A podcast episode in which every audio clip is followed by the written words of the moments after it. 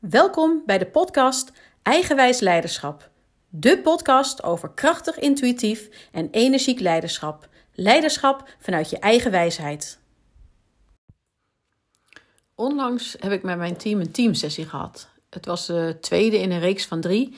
En ik vind teamsessies met een team zo ontzettend waardevol. Zeker wanneer het een team is wat normaal knetterhard werkt en erg gefocust is op de inhoud.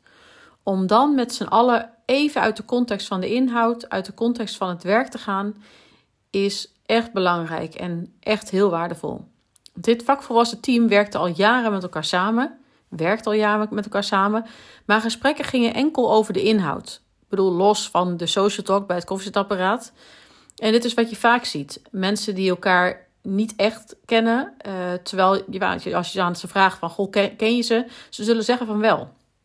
Want ze weten waar de ander woont en dat hij een hond heeft en dat zijn jongste kind net naar school gaat. Ik bedoel, als voorbeeld.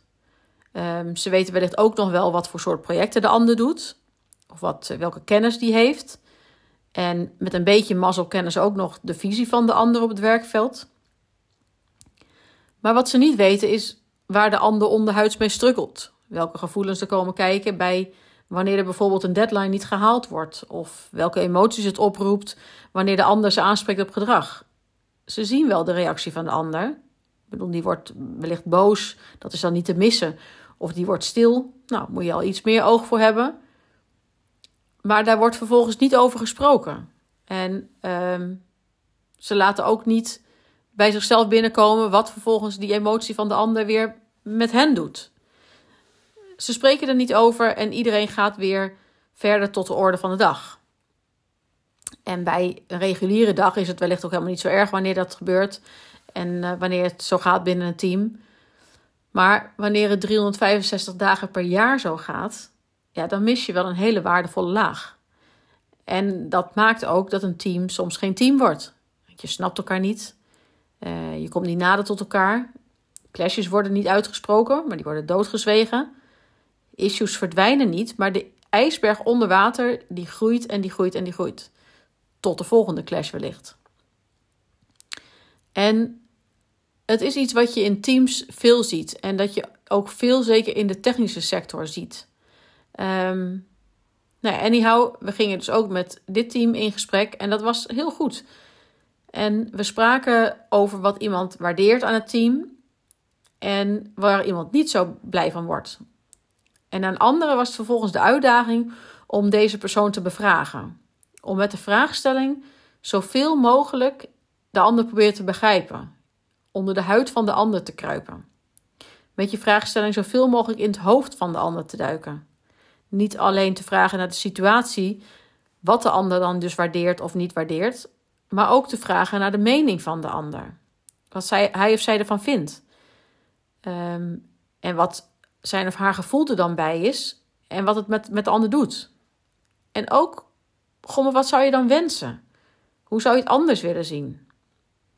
Echt door te vragen, door actief te luisteren en open vragen te stellen, waardoor je echt dichter bij elkaar komt. En ook dit soort dingen, uh, ik bedoel, het luisteren, samenvatten, doorvragen, het zijn theorieën die we allemaal wel een keertje gehoord hebben, of misschien niet, maar waarvan je weet, nou, dat, natuurlijk, dat werkt. Maar om het vervolgens ook te doen, om ermee te oefenen en om het in praktijk te brengen, dat is wel de volgende stap. En dit team was, was het niet gewend. Weet je, ik zag ze al ja knikken wanneer de ander de, situatie schetste. Er was gelijk herkenning. Ja, de situatie ken ik. Ja, dat vind ik ook vervelend. Of ja, ik herken het, maar ik heb er niet zo'n last van. Maar wat ze precies herkenden, um, dat was niet duidelijk. Uh, wat ze precies herkenden was de vraag of hun mening en hun gevoel erbij ook hetzelfde was. En hoe hun wens was, hoe het anders zou kunnen. Daar werd dus in eerste instantie niet aan gevraagd. En het, um, ook dat herken ik wel in bredere zin. Je, het is zo makkelijk om te denken: oh, maar dat heb ik ook. Je, dat, dat, de, want het roept bij jou een gevoel op. En dat is bij jou zo logisch. Maar het is hoeft niet hetzelfde te zijn als waar de ander mee zit. Of wat, wat het gevoel is bij de ander. Het kan dezelfde situatie zijn, maar iedereen reageert er vanuit zijn of haar programmering weer op een totaal andere manier op. En daarom is het dus echt belangrijk om nou, de ander te bevragen. En zo dicht mogelijk langs elkaar heen te praten eigenlijk. En elkaar echt te willen snappen. Goh, maar als jij dit zegt, bedoel je dan dat of dat? Nee, ik bedoel dit dit. Oh, oké. Nou, dat is interessant. En ook in deze sessie, dat vond ik zo mooi. Ook de mensen, zeg maar, die normaal niet zo snel hun stem lieten horen, die gingen vertellen uh, hoe ze het graag anders zouden zien en wat hun ideeën erbij waren. En er ontstonden hele waardevolle gesprekken. Ze gingen op elkaar voortborduren. En ook al zie je dat dan niet direct iedereen het met elkaar eens is of dat iedereen hetzelfde wil, er wordt wel gesproken vanuit respect naar elkaar.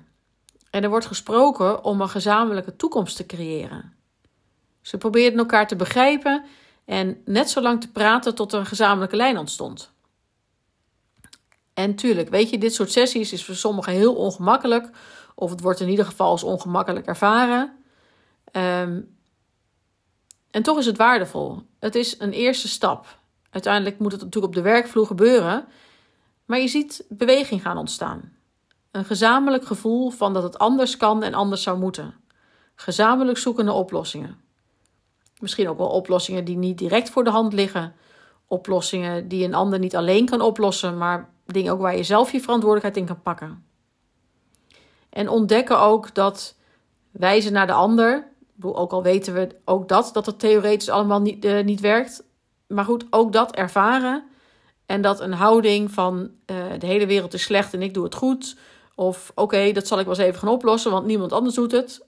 Dat dat niet werkt. En ik wil niet zeggen dat het op deze manier ook bij dit team naar voren kwam. Maar uiteindelijk zie je de zogenaamde drama-driehoek in elke organisatie terug. En vervalt ieder mens vaker dan je wil in een van deze drie rollen. De schurk, dus de aanklager, die anderen beschuldigt en gelijk wil krijgen. De redder, die ongevraagd hulp biedt en anderen afhankelijk maakt. En het slachtoffer, dat vanuit onmacht reageert en geen verantwoordelijkheid neemt. Ik bedoel, in sprookjes zie je deze rollen ook.